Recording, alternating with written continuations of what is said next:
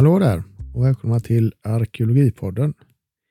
Det här är en populärvetenskaplig podd för den som tycker om och är nyfiken på arkeologi. Här tar jag upp lite olika ämnen som har med arkeologi att göra. Det kan vara fynd eller fenomen, platser eller arkeologisk metod och teori eller historia. Från början hade jag egentligen tänkt mig ett annat ämne för dagens avsnitt. Jag hade förberett en hel del för det. Men eh, med anledning av den stora händelsen i arkeologisverige förra veckan så ställdes allt det här på ända och så började jag istället förbereda lite grann att prata även om det som hände förra veckan. Men till slut så insåg jag att det går inte att prata lite grann om den här nyheten. Så istället kommer det här avsnittet uteslutande handla om det spektakulära fyndet av en deponering av bronsföremål som precis har hittats strax utanför Alingsås. Det går liksom inte att inte prata om det, tänker jag. Så därför blir det här avsnittet kanske lite annorlunda och lite mer översiktligt jämfört med vad det hade varit om jag hade förberett ett avsnitt som skulle gå lite mer på djupet om det här med offer och deponerande av bronsföremål. Det finns alltså flera anledningar att återkomma både till det här specifika fyndet som vi kommer att prata om idag. Ehm, och Det kommer vi med all säkerhet göra när man vet lite mer om vad det är man har hittat och det börjar komma detaljer kring fyndet. Ehm, men vi kommer säkert också återvända till det här ämnet eh, lite mer generellt i ett eget avsnitt framöver. Det finns en hel del att säga om just eh, offer och eh, deponier av bronsföremål. Och för den som har missat det så handlar det alltså om ett fynd av ett 50-tal helt kompletta eller åtminstone större delar av praktföremål av brons som en privatperson stötte på i ett skogsparti utanför Alingsås i april månad i år, alltså 2021. Eh, I nuläget så daterar man det här fyndet till den sista delen av bronsåldern. Vi rör oss inom de, här, de perioderna som man brukar kalla för period 5 och 6 i bronsåldern, eh, vilket är de två sista perioderna. Och man har satt en ungefärlig datering i nuläget till ungefär 750 till 500 före vår tideräkningsbörjan den dateringen kan ju komma att ändras när man studerar lite mer i detalj i de här föremålen. Och det rör sig som sagt var om praktföremål. Eh, och enligt de första analyserna eller tolkningarna av fyndet så knyter man de här föremålen till en kvinnas klädedräkt och eh, hennes smycken. Ehm, vi får tänka oss då att det rör sig om en högstatuskvinna, både med tanke på antalet delar som det här fyndet består av och att bronset har haft en funktion som statusmaterial under den här tiden. Det var liksom inte var mans egendom eh, på det sättet. Ehm, och Fyndet innehåller flera olika sorters föremål. Bland annat innehåller det flera halsringar. Bland annat så kallade vändelringar, alltså inte vändel som i vändeltid utan Vendel med W. Eh, och det är gjutna bronsringar som man har vridit för att få liksom ett skruvformat mönster kan man säga. Eh, och det finns eh, armringar och så kallade fotringar, tjocka breda ringar som man har haft både runt armarna då, men även ännu tjockare som man hade runt Eh, anklarna. Tänker man sig Det ser nästan ut som fotbojor som ska sitta eh, ner till på benen. Det finns eh, dräktnålar och dräktspännen och kedjor som ska sitta på en klädedräkt. Det finns så kallade tutulus, eller en tutulus. Det är ett koniskt formad prydnad som man hade på sin dräkt eller på ett bälte. Eh, de kan vara lite olika stora. Jag tror att den som de hittade i det här fyndet eh, var av en mindre, en mindre typ. Och eh, det verkar också som att man har hittat järnföremål i den här deponin och kanske också guld. Man har inte riktigt fått fram allt än. Så när man presenterade detta förra veckan så, ehm, så var det fortfarande delar av fyndet som inte var helt klarlagt vad det var egentligen. Det finns också eh, verkar det som eh, bronsdelar som har, härstammar från eh, gjutningen av eh, föremål. Alltså rester av, gjutnings, eh, av gjutningar helt enkelt. Det finns även andra föremål eh, som inte kanske är kopplat då direkt till en, eh, till en klädedräkt. Det finns en holkyxa gjord av brons som har då varit monterad på en, eh, ett skaft, kanske av trä, eh, och något som man tror är en så kallad drivstav, alltså någonting som man har haft för att driva på till ett djur, till exempel eh, en häst. Ehm, och Det finns flera saker som gör det här fyndet så spektakulärt och unikt. Man har redan kallat det för det största fyndet som påträffats eh, från yngre bronsåldern någonsin i Sverige. Eh, och En annan sak, förutom storleken och mängden föremål är att allting är väldigt välbevarat. Det verkar ha legat helt orört under ett stenblock på en höjd i landskapet. Eh, inte blivit utsatt för någon störning eller åverkan förrän någon form av djur har bestämt sig för att gräva ett gryt på den här platsen och har då kastat upp föremålen från den här ljumman. Och det var då den här privatpersonen, det var det den här privatpersonen stötte på. Så föremålen låg liksom på, på marken när, när personen hittade dem. Ehm, och det verkar som att flera av fynden i princip är helt kompletta och relativt opåverkade av erodering och annat. Ehm, så det verkar ha väl, varit väldigt bra bevarandeförhållanden på den här platsen. Det gör ju att man har möjlighet att studera detaljer på de här föremålen. Något som man kanske inte har hunnit göra än. Men man kan titta på ornamentik eh, och annat som i andra fall kan vara svårt att se när man har kanske mer fragmentariskt material att jobba med. En annan helt unik företeelse här är att det är första gången som man får, eller en av de första gångerna som man får möjlighet att arkeologiskt undersöka ett sånt här fynd med den moderna, de moderna undersökningsmetoder som man har nu och med modern dokumentationsteknik. Eh, personen som gjorde det här fyndet handlade precis så som man ska göra när man hittar något sånt här. Så fort han började misstänka att det kunde röra sig om ett fornfynd, och ett fornfynd är alltså definierat som ett föremål från förhistorisk eller äldre tid som saknar ägare där det påträffats. Ehm, när han började misstänka att det var ett fornfynd det handlade om så kontaktade han Länsstyrelsen och Länsstyrelsen kunde då i sin tur ge i uppdrag åt arkeologer att undersöka platsen. Ehm, och Det är precis så man ska göra. Man ska alltså inte själv börja gräva runt och försöka hitta föremål som ligger nedgrävt, utan det är viktigt att man så fort man misstänker att det är ett fornfynd eh, kontaktar Länsstyrelsen. Ehm, och det gjorde det då att arkeologerna hade goda möjligheter att dokumentera platsen innan, under och efter utgrävningen.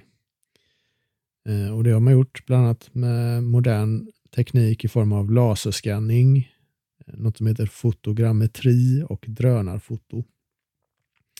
Och De här metoderna gör att man i princip kan bygga upp en digital 3D-version av hela både omgivningen såväl som den specifika platsen. Så man kan liksom återskapa den här platsen digitalt kan man säga. Eh, och på många sätt så handlar ju arkeologi om att både dokumentera för nuet men även för framtida undersökningar och frågeställningar.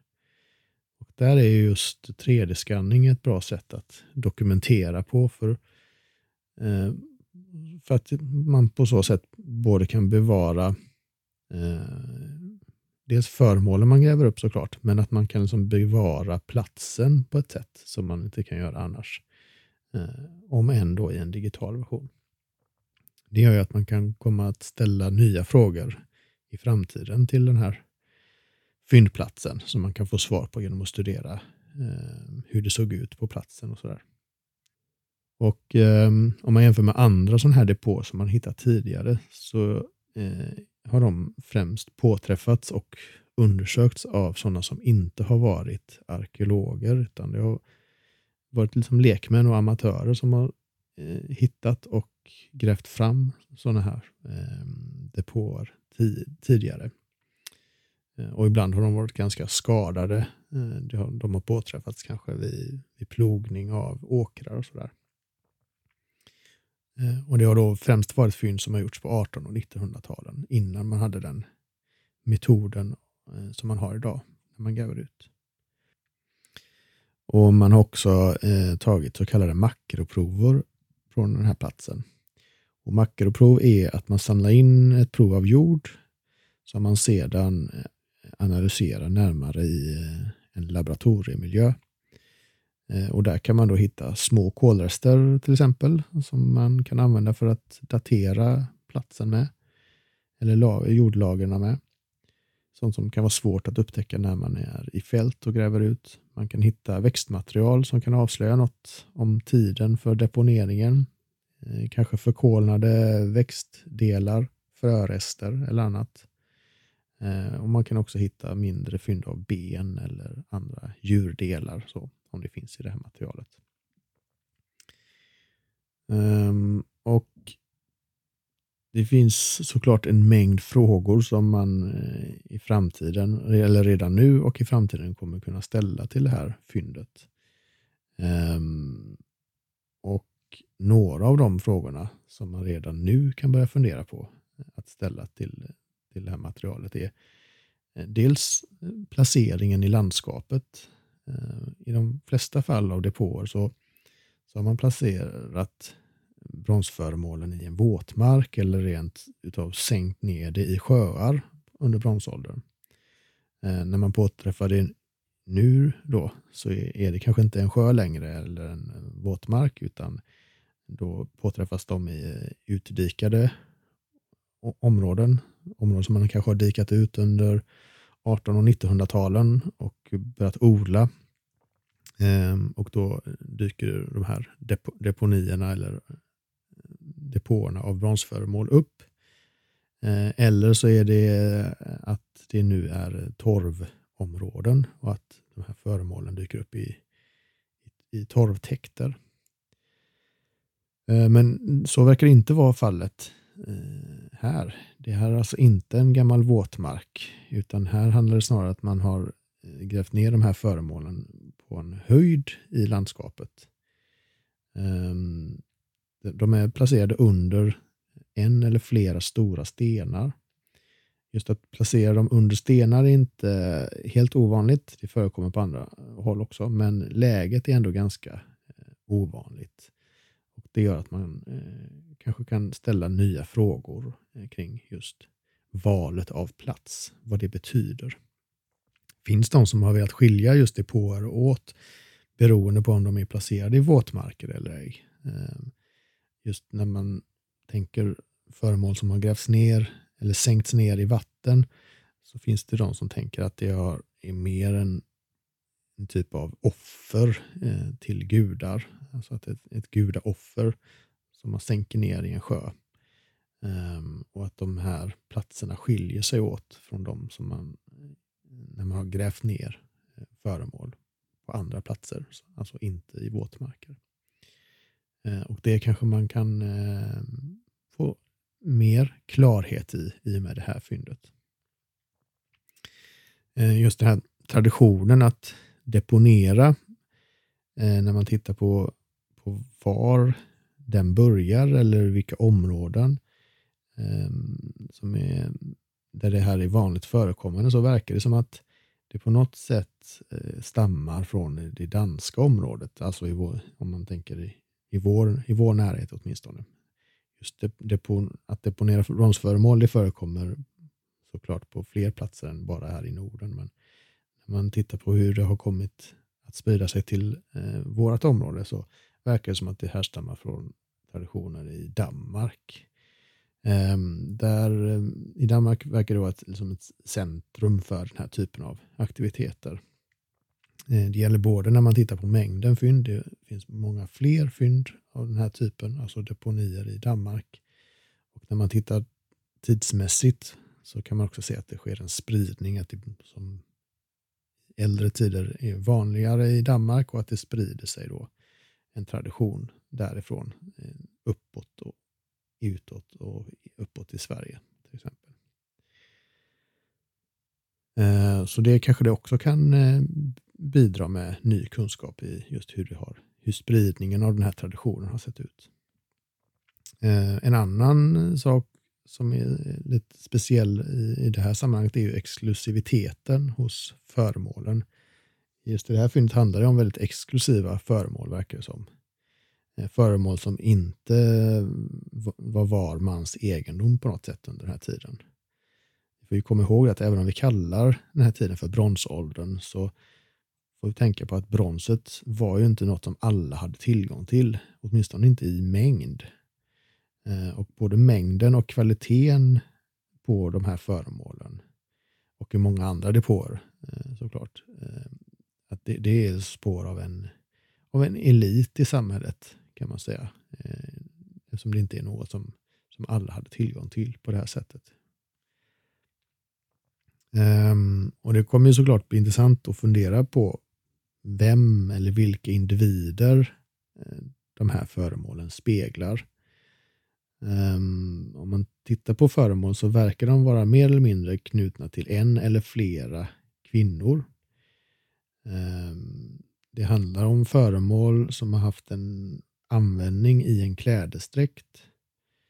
Ehm, även om vissa föremål kan te sig som något opraktiska, till exempel de här tjocka arm och fotringarna kanske inte har varit så jättesköna att ta på sig eller har, kan också ha haft liksom viss begränsning i hur, man har kunnat röra sig med de här föremålen på sig. Men har ändå haft en, en praktisk eh, koppling till en, en klädesdräkt. Eh, och det är inte unikt på något sätt att man hittar just föremål kopplade till klädesdräkter i sådana här depåer. Till exempel de här eh, som jag kallar för tutulussen eh, som man hittade här. Den har man hittat på i många andra sammanhang eh, av depåer också. Så det är inte ovanligt. Och Man kan väl även säga att den här yxan är ett ganska praktiskt föremål eh, som man har haft användning för. Eh, även om man, det är inte säkert, det får väl närmare studier visa, det är inte säkert att man har använt den i praktiken men det är ändå ett, ett föremål som har en, en praktisk eh, funktion. Um, och det verkar inte som att det finns eh, mer utpräglat, entydigt utpräglade kult kultföremål, det som man brukar kalla för kultföremål.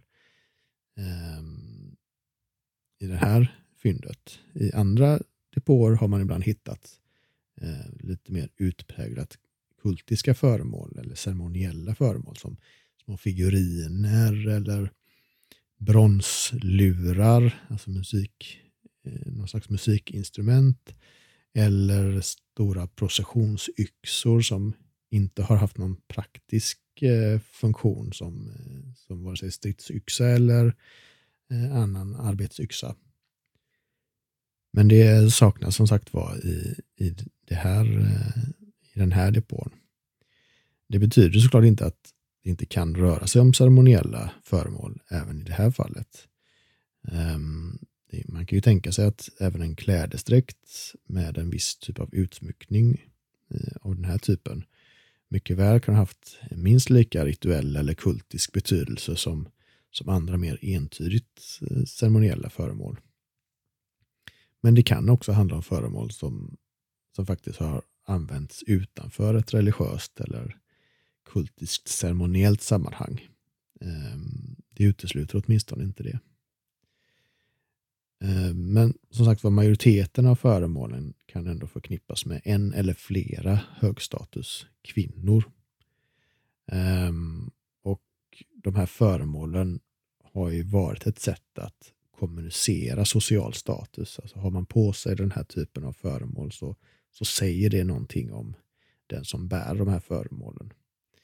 Ehm, och det verkar också ha varit en, en komplett uppsättning när man tittar på de olika delarna så är det liksom, ja, man, man, kan, eh, man kan ha på sig eh, de flesta av föremålen samtidigt. Liksom.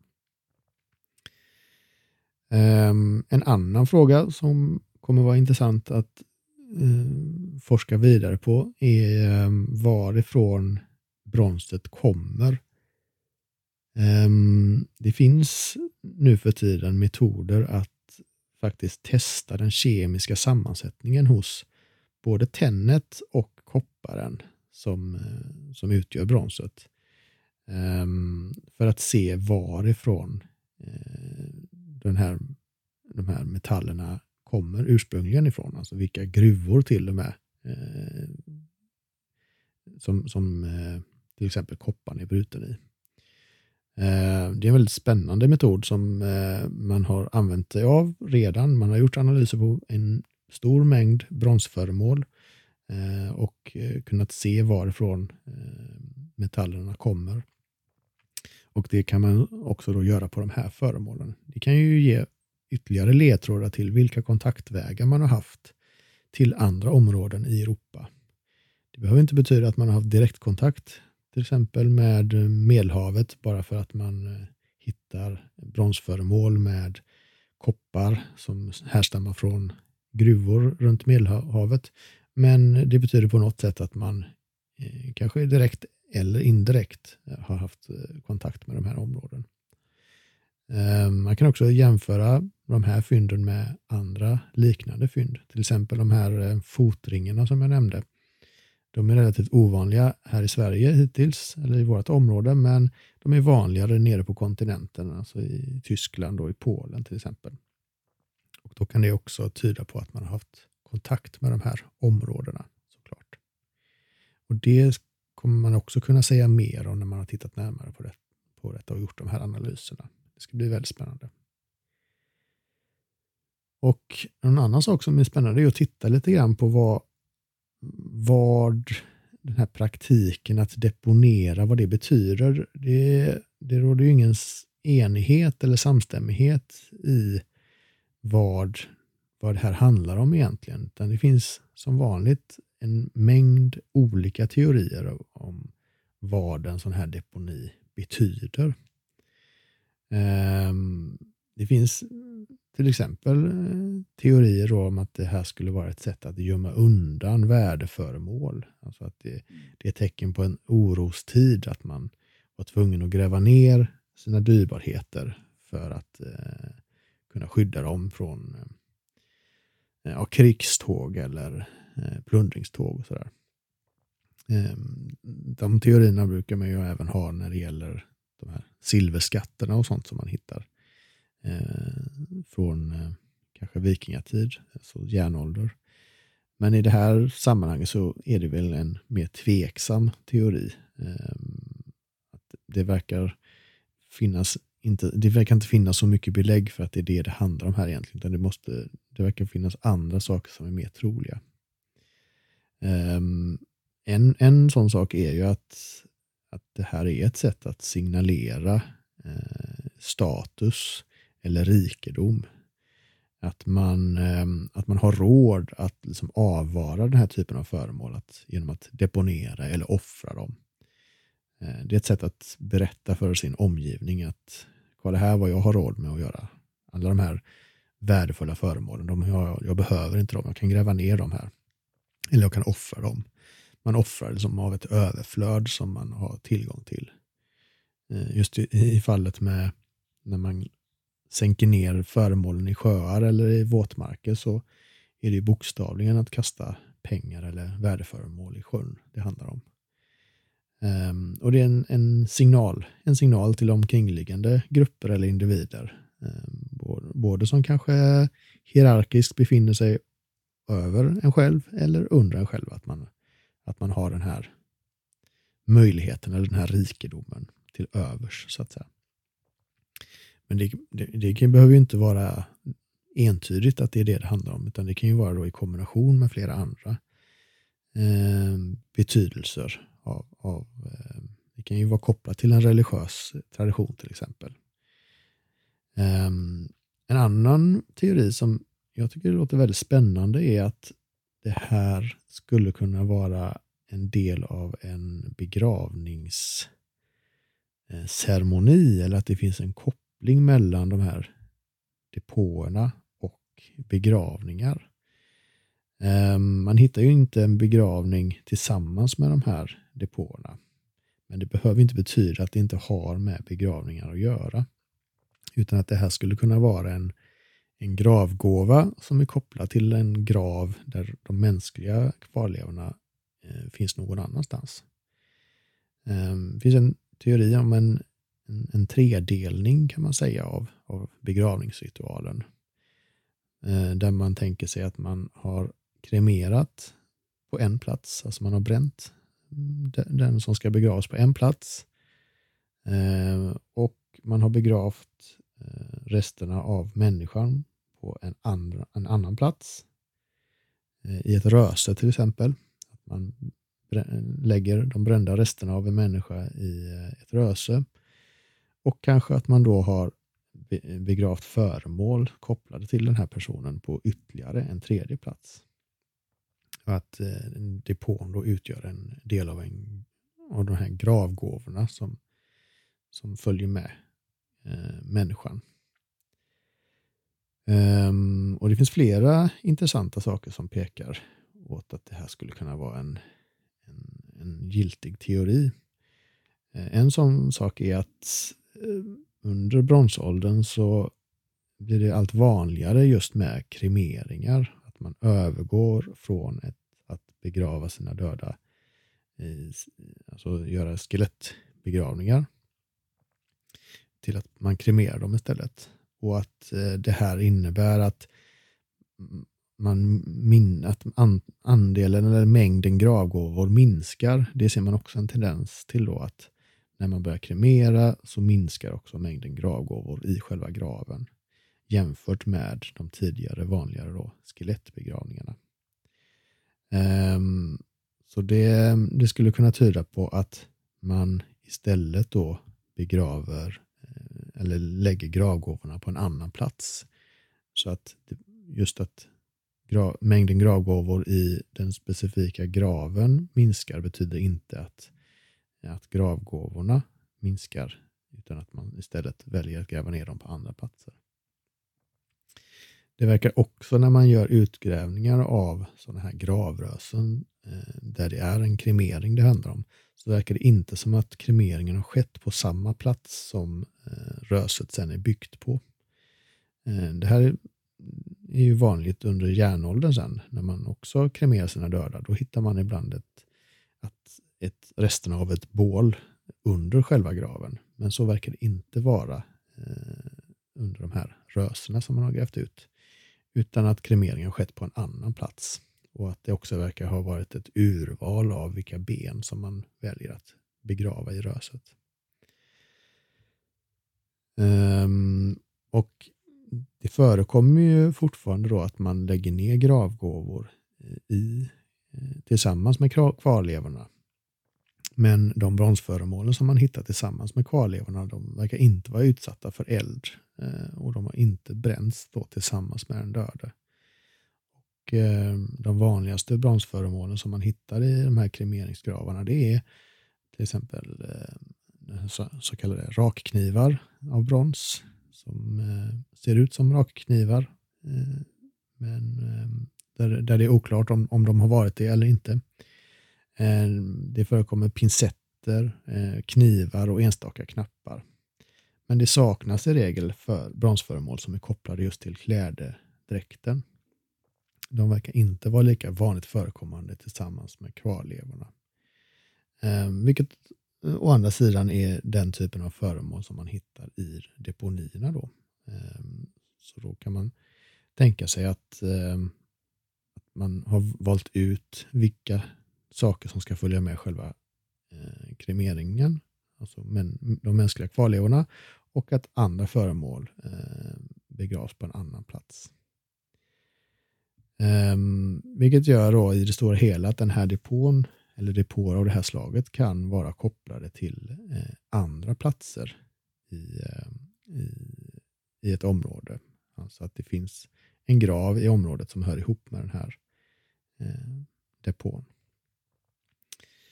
Ehm, och Det kan ju betyda att en, en, koppling som har med en förändring av gravceremonin att göra. Alltså att eh, religionen har förändrats och att man i den nya uppfattningen om, om hur man ska begrava sina döda, eh, att det är viktigt att, att skilja gravgåvan från själva kvarlevorna åt. Men det kan också ha att göra med att man, eftersom man då inte har kunnat eh, signalera sin status i själva graven, att man har haft ett fortsatt behov av att signalera sin status och att man eh, därmed har eh, valt att gräva ner sina statusföremål i, i deponier istället. Ehm, men någon form av koppling mellan eh, gravar och depåer tycker jag låter spännande och ehm, det ska bli intressant att se ehm, de kommande analyserna, både då av föremålen men också av land, det omkringliggande landskapet. Om det kan säga någonting om detta. Eh, och om man kombinerar det ändå med de här analyserna man kommer göra av själva bronsföremålen. Eh, skulle också vara intressant att se om man kan hitta ett samband med just de här bronsföremålen man har hittat här och andra bronsföremål som är hittats i samma område. Eh, för att se om det kanske rör sig om att det finns ett gemensamt ursprung eh, för, eh, för fler bronsföremål i det här området. Ehm, så det, det är också en, en, en, frågor som man skulle kunna ställa till det här fyndet och som man kommer kanske kunna svara lite på åtminstone i kommande forskningsinsatser. Um, en annan teori som man diskuterar just i samband med de här eh, depåerna det är att det handlar om offer till gudar. Um, och Det har man då tolkat flera andra sådana här deponier av bronsföremål att det har varit offer till gudar. Att man då kanske vid ett eller vid flera olika tillfällen har valt att lägga ner föremål, oftast då i en eh, våtmark eller i en sjö, som ett offer Ehm, det kan fortfarande vara ett sätt att signalera eh, att man har råd att eh, avvara ett, ett överflöd eller ett överskott, men att det då är kopplat till en religiös uppfattning om, att, om offer till, till gudar.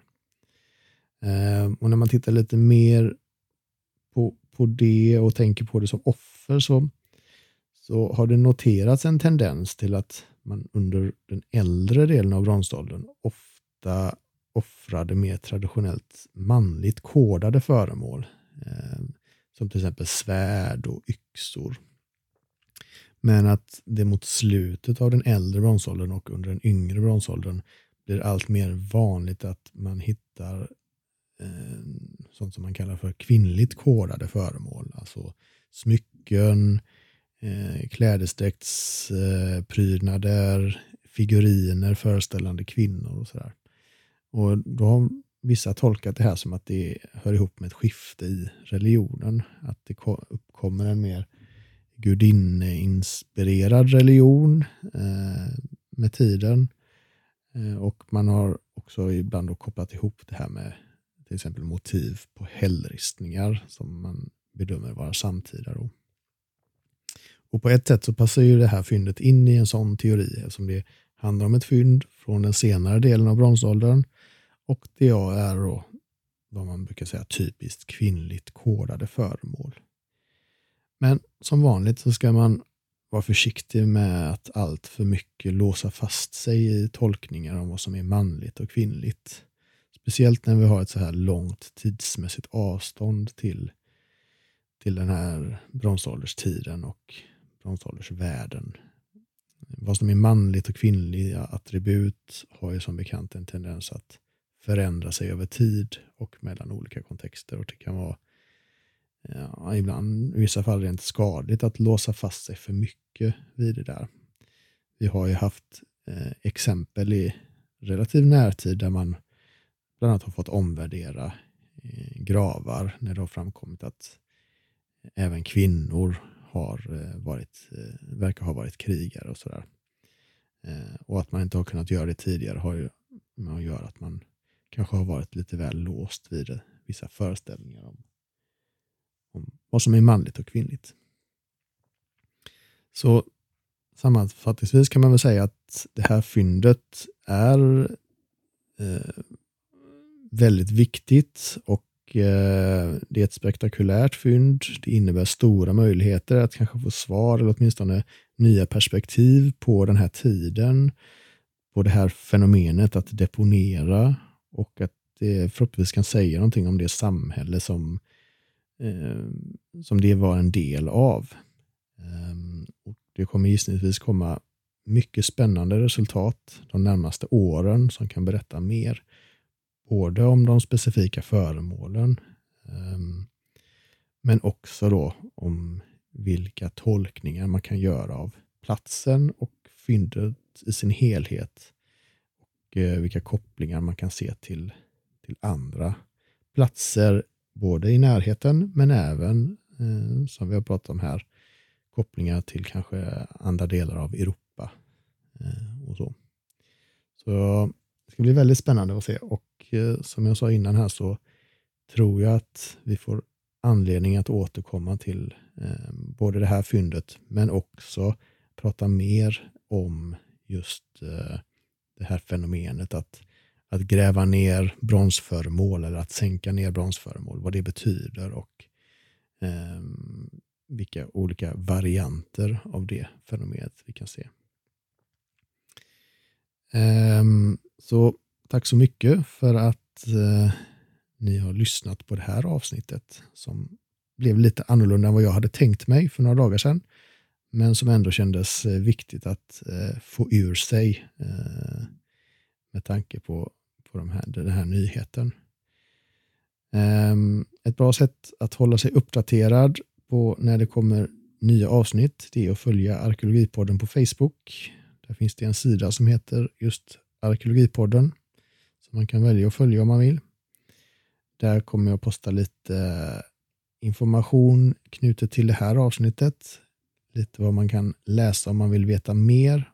Eh, och eh, där får man gärna diskutera eh, om det är något man vill diskutera av det jag har pratat om här.